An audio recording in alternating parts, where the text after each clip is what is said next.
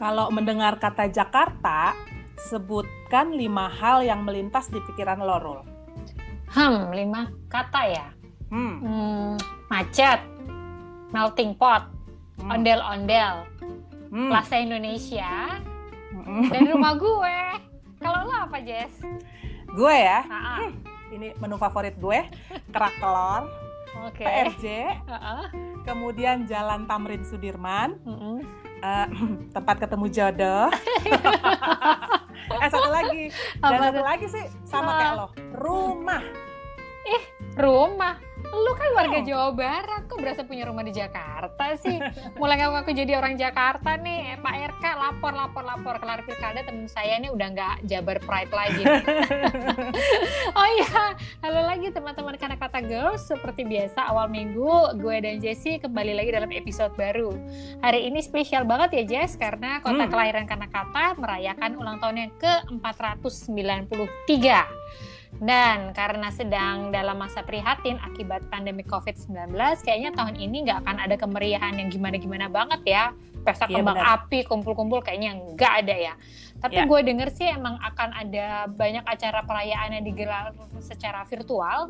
Buat gue nggak ada salahnya juga sih kalau di episode kali ini, yuk kita memberikan apresiasi yang setinggi-tingginya buat Jakarta.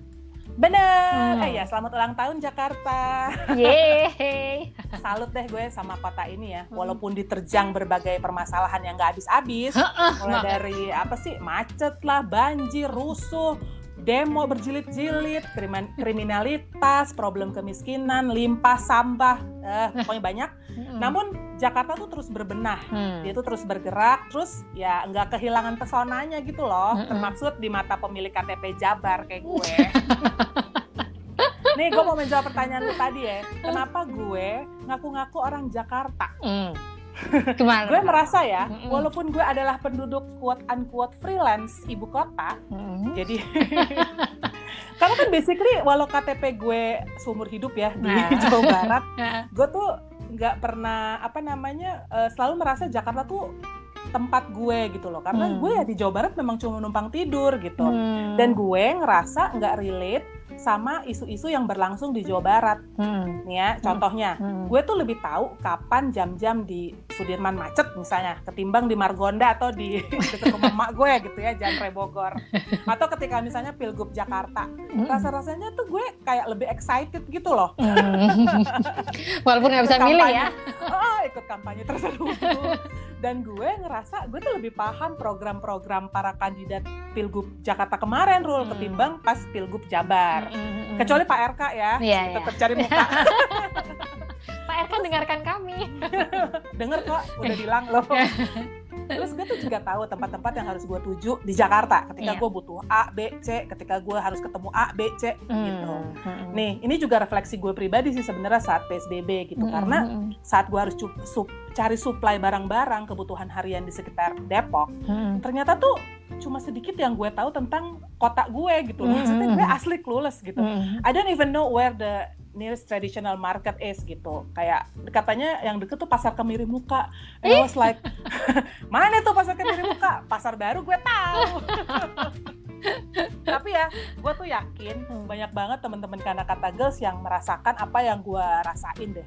Malah banyak ya. Soalnya kayak kalau berdasarkan nih jumlah penumpang yang naik KRL aja deh, misalnya berdasarkan data Tempo 2019, itu ada 1,2 juta penumpang per hari. Hmm. hari, Bo. Hmm. Nah kita asumsiin aja setengahnya tuh dari pinggir Jakarta ya, berarti Mm-mm. dari stasiun Lenteng Agung ke belakang. Terus untuk kendaraan pribadi tuh ada eh, berdasarkan info dari Kata Data eh, Mm-mm. 2019 di tahun 2018 aja tuh ada 3,99 juta unit mobil. Hmm. Terus terus Motornya? eh, 14,7 juta unit motor. Hmm. Coba lu bayangin ya kalau setengahnya tuh penduduk pinggiran gitu dari Iya. kawasan Bodetabek. Iya iya iya benar. Nah, jadi kayaknya kalau kayak lo tuh ya, menyebut Jakarta sebagai rumah hanya karena memiliki KTP Jakarta, kayaknya itu udah gak relevan, Bo. Hmm. Karena menurut gue, jangan-jangan bisa punya rumah di Jakarta tuh cuma soal privilege aja gitu loh. Ya kan? Karena sebagian Iya, iya. kita kan orang-orang yang tadi naik kereta nih Nah. dan dari pinggir-pinggir Jakarta itu Hmm. menggantungkan hidupan, menggantungkan hidup dan harapannya tuh di Jakarta. Ya Mm-mm. lu sekolah, ya kerja, ya kayak kita punya bisnis. Walaupun Hmm. bukan pemegang KTP Jakarta. Ya Hmm. karena sama-sama punya kepentingan dan harapan di Jakarta, menurut gue sah-sah aja kalau gue dan teman-teman freelancerku ini mengklaim Jakarta sebagai rumah kami juga. Iya, iya boleh lah alasan lo itu ya. kalau pakai dasar itu sih memang nggak sah juga kalau misalnya gue gue ngaku sebagai penduduk asli Jakarta. Ya, nengok ke belakang sedikit, eh, menurut Sanusi Pane dalam sejarah Indonesia tahun 1955, Sunda Kelapa pada masa Pajajaran sudah dikenal sebagai kota pelabuhan internasional alias Hmm. tempat bertemunya kaum pedagang dari berbagai penjuru dunia. Sebelum di bumi hanguskan dan dibangun kota baru di atasnya dengan nama Jayakarta. Oke. Dan ketika Jayakarta jatuh ke tangan VOC, namanya berubah lagi jadi Batavia.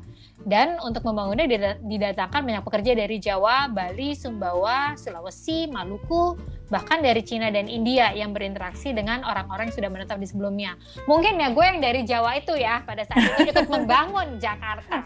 Oh benar. Ya kan? Tadi lo sebut Maluku lah gitu. Iya. Jadi memang kan Terus, terus. perpaduan ini kemudian membentuk satu suku baru yang lantas dikenal sebagai nama Betawi. Ya. Setelah Indonesia merdeka tahun 45, pembaruan lintas suku bangsa di Jakarta semakin jadi. Orang-orang dari berbagai daerah berdatangan ke Jakarta, berbaur dengan kelompok masyarakat majemuk yang sudah ada sebelumnya.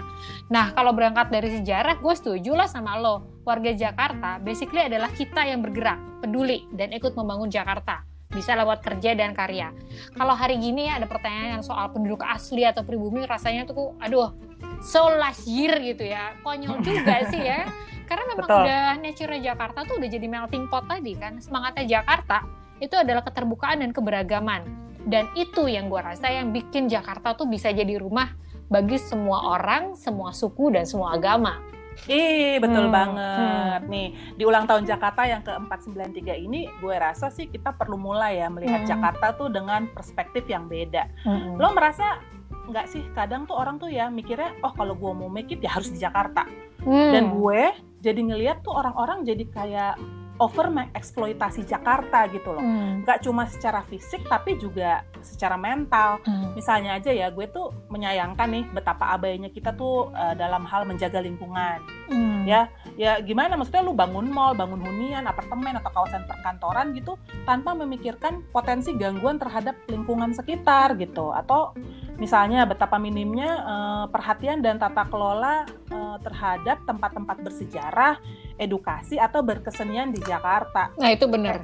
Benar. ya kan? Setuju, Jadi setuju gue. sebelum gue sebelum corona outbreak ini nih, Mm-mm. pokoknya kayak dua minggu sebelum kita disuruh diem di rumah aja, Mm-mm. gue tuh Mm-mm. sempet jalan-jalan ke beberapa museum gitu yang government funded ya, yang Mm. di ini oleh pemerintah Mm. di Jakarta. Hmm. Kondisinya sih ya lumayan memprihatinkan gitu, terutama dalam hal pemeliharaan dan akses informasinya. Hmm. Maksudnya gue kayak gue masuknya bingung daerah di mana, terus kayak tata letak eh, apa eh, bendanya juga aneh, Iya. terus kadang-kadang lu nggak bisa baca informasinya gitu. Iya, dan kotor juga beberapa ya. asli gue. asli Hmm, gitu. hmm. Walaupun ka- kan gue dia tuh dari, gue- dari segi keamanan dia gimana. Walaupun Iya. waktu itu suami gue bercanda ya, dia Hmm. bilang begini, tenang aja ya kalau di Museum Indonesia mah nggak usah penjagaan yang gimana yang ngejaga rohnya,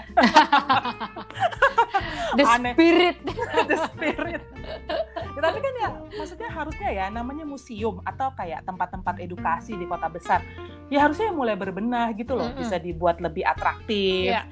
Di Jakarta itu kan teknologi udah maju banget ya dan sangat mungkin gitu loh buat melakukan apa aja. Hmm. Nah, kenapa nggak bergerak sih ke arah sana gitu? Iya. Nah, buat gue sih ini bagian yang sedih ya, karena Hmm. semakin hari gue tuh ngelihat kita tuh begitu detach gitu, kita begitu Hmm. terlepas sama hal-hal yang sebenarnya perlu dan yang bikin kita sebenarnya jadi manusia beradab, Hmm. Iya. ya kan? Iya. Nih ya, kalau menurut World World Happiness Report tahun 2020 itu indikat, indikator kota itu berhasil atau enggak itu dilihat nggak cuma dari pembangunan fisiknya aja, Bo. Hmm. Jadi eh, juga dilihat dari kayak misalnya ini sebenarnya eh, terpenuhi nggak sih hal-hal seperti perasaan aman gitu ya. Hmm. Gue sih menerjemahkan perasaan ini aman ini sebagai kayak ketenangan batin gitu. Hmm. Jadi lu tinggal di kota besar ya pasti kompetisi gitu, Iya. tapi yang sehat. Iya. Atau lu punya relasi juga yang baik dengan orang lain. Ya Hmm. walaupun nggak sampai level ibu-ibu tetangga lagi arisan ya, tapi setidaknya kita tuh tahu tetangga kita siapa sih orang-orang yang tinggal di sekitar kita siapa sih jadi Hmm. nggak terlalu Hmm. individualis Hmm. karena kan kalau lo kan kalau lu nggak kenal kan lu nggak rutit gitu ya kan nggak berakar gitu Mm-mm. kemudian lainnya tuh kayak eh, indikator lainnya tuh adalah keseimbangan antara kehidupan personal dan kerja Hmm. termasuk ini yang penting juga eh, akses ke ruang hijau Hmm. jadi kalau mau lihat secara holistik pertanyaan besar buat Jakarta tuh udah di level ini sih Hmm. maju kotanya bahagia warganya kan Iya. udah tercapai apa belum ya ngomong Ah, iya iya, karena emang kayaknya Jakarta apa ya? Orang-orangnya tuh kenceng semua mukanya ya. Soalnya bicara soal bahagia ini emang penting banget. Gue percaya sih kebahagiaan ini bisa bikin kita jadi produktif dan berdaya.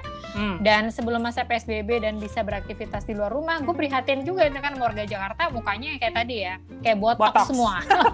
Eh, dokter sama nih ya.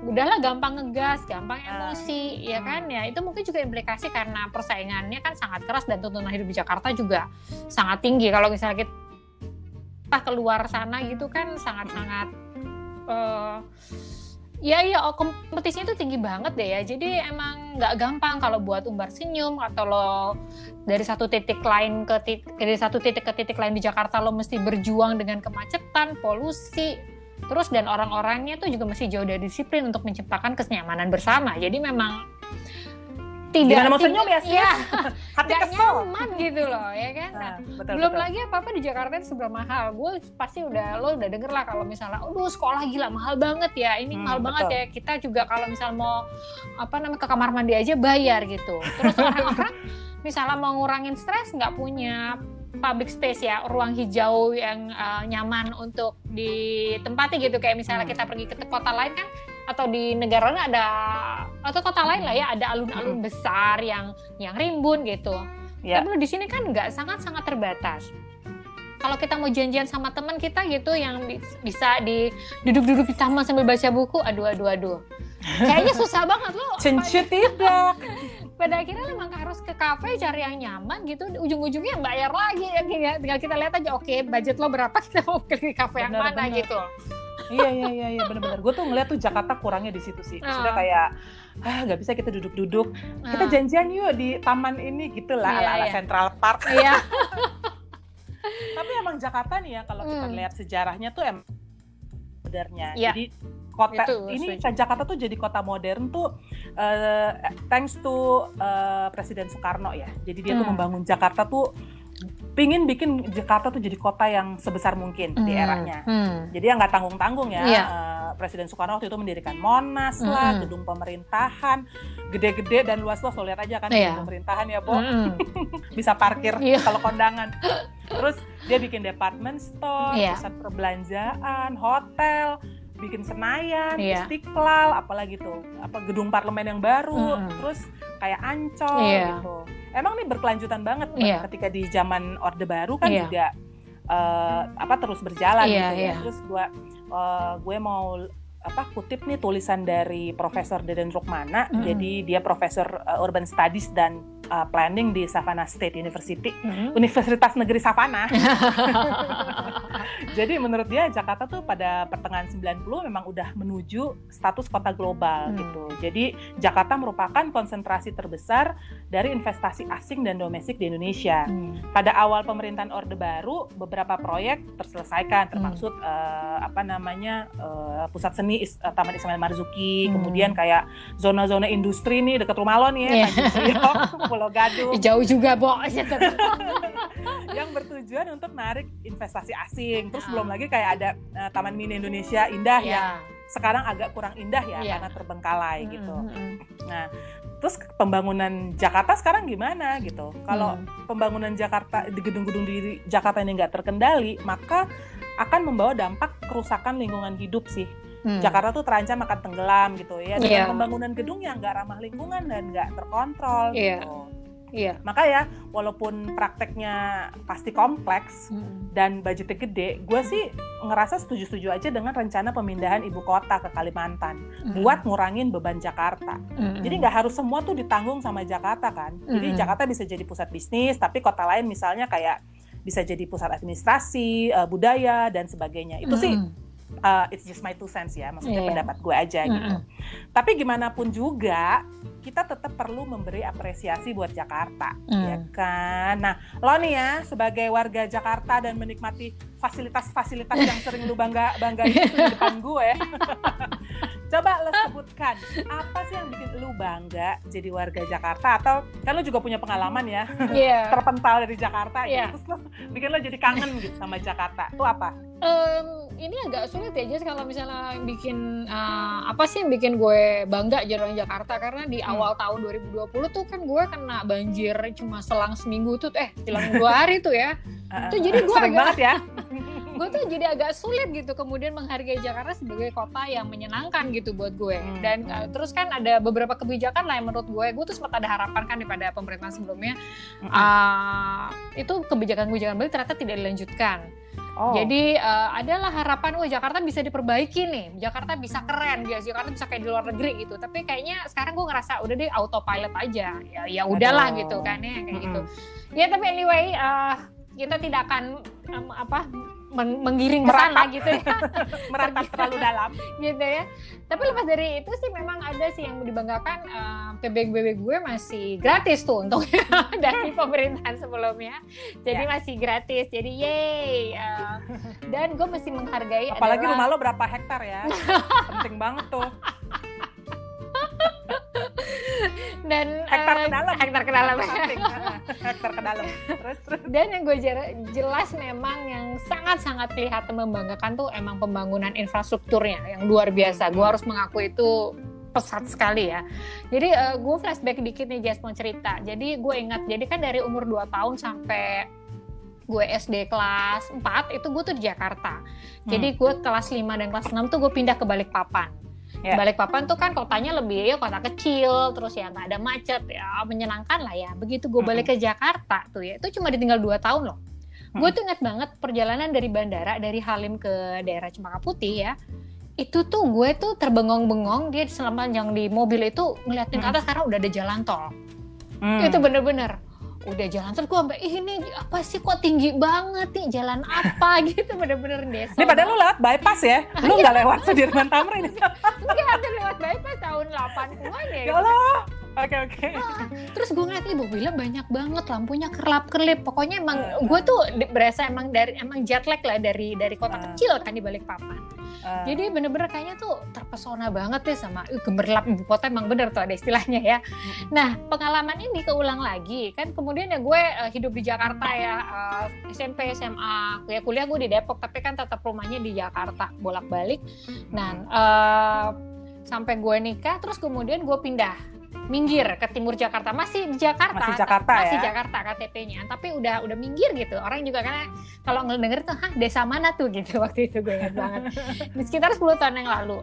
Secara ya kan secara lokasi eh, di Jakarta Timur dan aktivitas gue waktu itu kan banyak kan freelance ya jadi ke Jakarta tuh cuma sekali-sekali. Dan setiap gue akan berkunjung ke Jakarta tuh mental tuh udah mesti di setting gitu kan. Ah. gue akan ke Jakarta ketemu macet Senewan dong. Tahu udah senewan tuh. Dan tahu gak sih, pas gue awal-awal ngantor lagi gue gini, baru nyampe kantor tuh udah gini, gue pulang Udah jam berapa pulang. ya? Eh, lo related sama gue.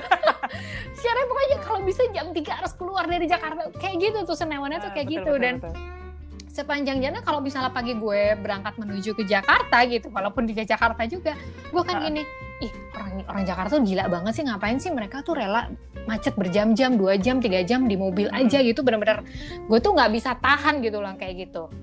Jadi kok orang Jakarta tabah banget, jadi bener-bener Jakarta tuh jadi nggak nggak menarik lagi lah gitu ya. Nah, Hmm.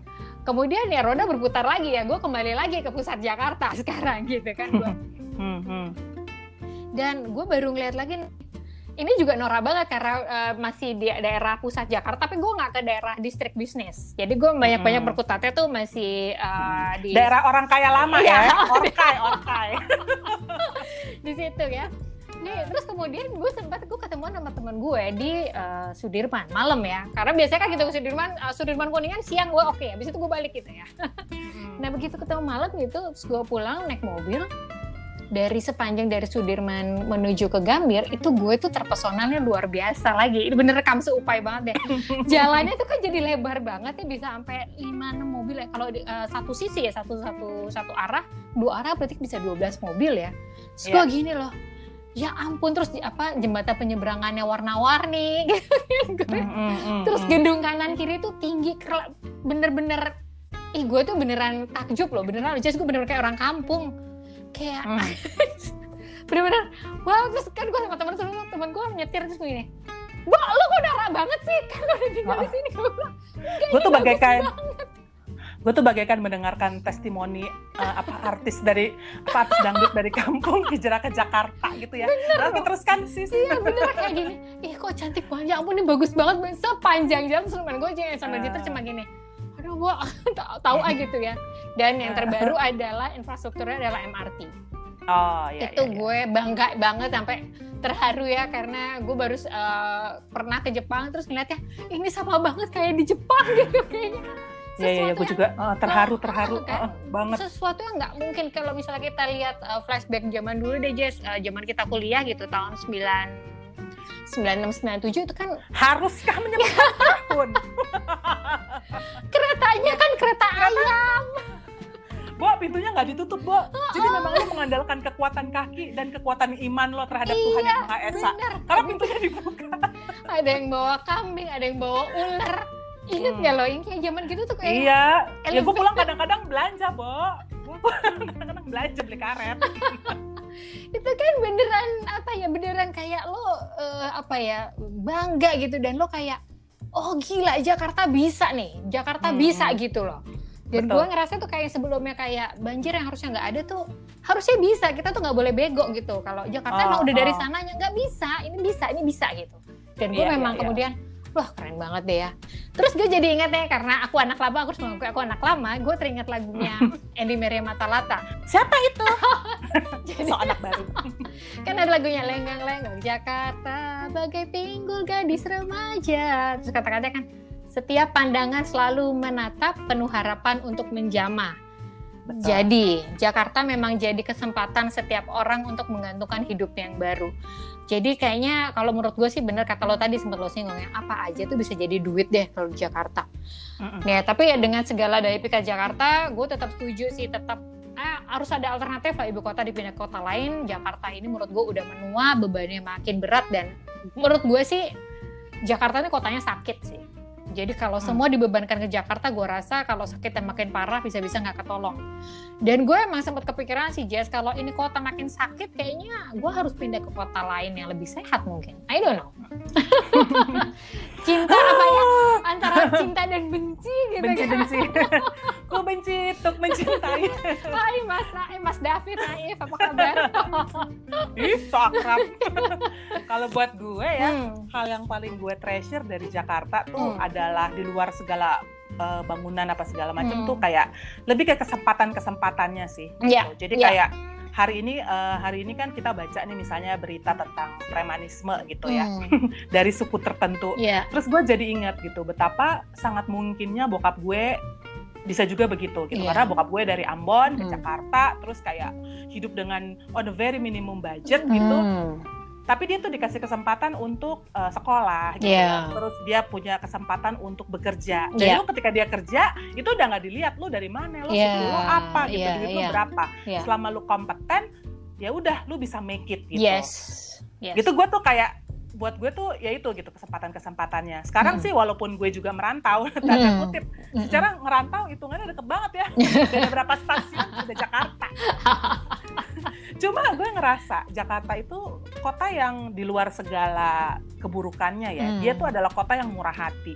Jadi dia tuh ngasih gue pekerjaan, pertemanan ya. Yeah. Siapa sangka gue bisa temenan sama anak Jakarta Pusat kayak lo, ya kan?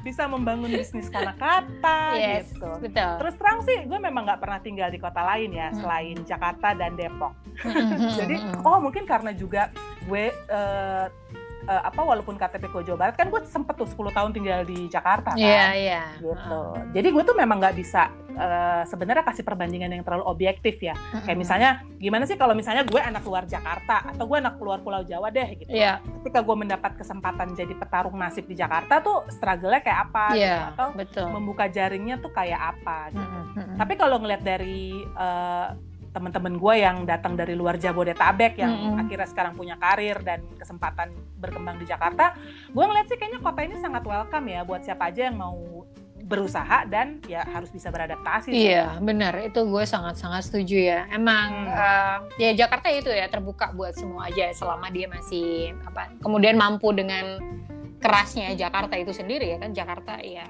kota yang tidak ramah juga sebenarnya hmm. untuk untuk para pendatangnya. Dan emang Jakarta tetap harus berbenah dan merapikan diri terus menerus nggak hanya kosmetik ya. Betul. ini gue ngomong Jakarta sampai serak nih. ini namanya juga. Habis benci-benci rindu sih. Oh. Jadi namanya juga mega city ya. Jakarta menghadapi isu yang lebih besar sih, yaitu adanya perubahan dalam pola produksi dan konsumsi yang sangat cepat. Dan ini hmm. pasti berpengaruh banget terhadap kelangsungan sosial, ekologi, dan ekonomi. Ini sih ya akan kompleks lah kita bicara ini. Tapi kita mau nggak mau tuh harus mulai bergerak ke arah sana. Misalnya ya, nih, gimana sih cara untuk mengurangi jejak karbon? Dengan kata lain mengurangi emisi gas rumah kaca, terus melalui langkah-langkah yang bertujuan untuk meningkatkan efisiensi energi. Penanaman ulang pepohonan, nanem ya, jangan tebang. uh, jadi emosi lagi nih ya kemarin-kemarin tebang-tebang sembarangan. Coba uh. dilihat ya ada Perda DKI nomor 8 tahun 2007, dilihat nah, lagi catat ya. ya. Nah, catat catat ya. Terus kita mungkin juga perlu mempromosikan urban planning, termasuk juga kebun vertikal yang bertujuan memurnikan udara di dalam bangunan melalui biofiltrasi hingga taman kota. Um, terus juga gue rasa juga penting untuk mendukung penggunaan teknologi ramah lingkungan di semua bidang, terutama di bidang ketika merancang bangunan baru atau satu lagi yang juga penting adalah sistem transportasi sistem transportasi umum yang cerdas, efisien dan menghormati lingkungan. Demikian kak. Setuju, ih pandangan anda keren sekali ya bu ya. notit notit nih terakhir ya lo gue kasih privilege. Karena lo KTP lo Jakarta terus. Harapan lo buat Jakarta apa nih Uh, ya balik ke eh, eh, empok. empok ya. sebagai melting pot uh, raksasa ya. Balik lagi sih gue sangat berharap penduduknya itu bisa berpikir lebih dewasa lebih kritis bisa bertoleransi lebih baik lagi dan gak rasis jadi kita, gue sih berharap kita tuh tidak lagi memberi ruang kepada pikiran-pikiran sempit dan picik sehingga kota ya. ini bisa beneran jadi pusat bisnis, hiburan, tempat tinggal yang layak untuk semua. Dengan tadi ya segala tambahan ina-inunya yang tadi kita hmm. bahas hmm. gitu. Soalnya gue ngerasa miris sih itu ketika lo bisa berkantor di gedung-gedung tinggi, berkendara mobil mewah, tapi pikiran dan kelakuan lo tuh masih cupet, miskin, hmm. dan minus ini kok jadi marah-marah lagi sih? Ya benar tapi pikiran gitu nggak iya, nggak khas kota besar loh. Kalau iya. kota besar lo harus open mind betul ya betul. Dan soal pemerintah ya udahlah gue nggak mau bicara banyak. Tapi gue memang masih terus berharap dan mendambakan ada orang-orang yang punya wewenang untuk bisa ngeberesin Jakarta dengan aksi nggak sebatas dengan kata-kata itu harapan aku untuk Jakarta ke 493 setuju, ini. Setuju, Lagian menurut gue bener-bener loh, Jakarta tuh memang harus beragam. Karena apa yang dijual keberagamannya kan. Mm -hmm. Itu yang bikin kota ini menarik gitu. Yeah. Kalau harapan gue sih ya nggak jauh beda lah. Gue sih uh, berharap uh, Jakarta tuh bisa benar-benar mewujudkan cita-cita bikin warganya tuh jadi warga yang beradab ya. Mm. Karena percuma lo ngebangun Jakarta, ini balik lagi ke mirip deh sama lo tadi. Mm. Lo percuma ngebangun Jakarta secara fisik kalau kualitas manusianya tuh memprihatinkan gitu. Yeah. Ya kan? Mm. Gue berharap Jakarta juga bisa menghargai kota tempat uh, warga Jakarta tuh bisa menghargai kota tempat mereka tinggal. Betul. Gimana sih caranya? Ya lo sesimpel aja ikut peraturan gitu. Sama-sama mewujudkan uh, uh, Jakarta tuh gimana sih caranya supaya bisa jadi kota yang nyaman buat ditinggali bersama. Lo yeah. jadi warga yang bertanggung jawab, mm -hmm. yang peduli sama lingkungan lo gitu. Juga tetangga-tetangga lo gitu ya. Iya. Disiplin yeah. tuh emang capek ya. Maksudnya kayak oh, oh. lu udah ngantri -hmm. orang lain gak ngantri kan lu buangnya oh, gitu kan. Atau lu buang sampah atau kayak gue, gue kan pilah sampah. Mm. Ketika gue liat orang gak pilah sampah terus gue kayak kadang-kadang ngerasa kayak ini gue sebenarnya berkontribusi terus orang lain gak berkontribusi apa efeknya ya gitu. Betul ya jadi disiplin tuh emang capek tapi you know there are so many things achieved only by practicing discipline gitu. Banyak Hmm. hal yang kita bisa capai dengan prak- praktek disiplin aja gitu ya. Lu Hmm. disiplin antre tadi kan, Iya. buang sampah pada tempatnya, Heeh. buang orang-orang gak berguna pada tempatnya. Disiplin disiplin berkendara. Nah ini penting nih disiplin Ya. berkendara. Coba kalau nggak penting-penting banget gak usah ngelakson deh kan. Terus lo juga ya disiplin mengelola diri lo juga gitu. Iya. Jadi pribadi yang lebih baik. Ini bukan Ya. wacana tingkat tinggi ya, maksudnya Ya. bisa kok dipraktekkan dalam kehidupan sehari-hari. Kalau Mau. ya, Jakarta Oke, oke. memang seperti kita ya, seperti manusia yang terus bertambah tua dengan segala masalahnya. Um, anti agingnya nggak ada ya, agak sulit ya, pakai laser Ya. pakai nggak bisa. Tapi memang Jakarta adalah rumah tempat yang membesarkan dengan cinta, yang memberi kesempatan belajar dan bekerja dengan adilnya. Tempat bertemu dengan sahabat-sahabat yang kemudian menjadi lekat dan erat, dan juga bertemu pasangan jiwa. Jakarta yang membuat kita terus merasa punya rumah sejauh apa pun bepergian. Yang membuat kita merasa ditunggu dan punya tujuan, tempat pulang. Jakarta adalah cinta, dan cinta adalah kata kerja.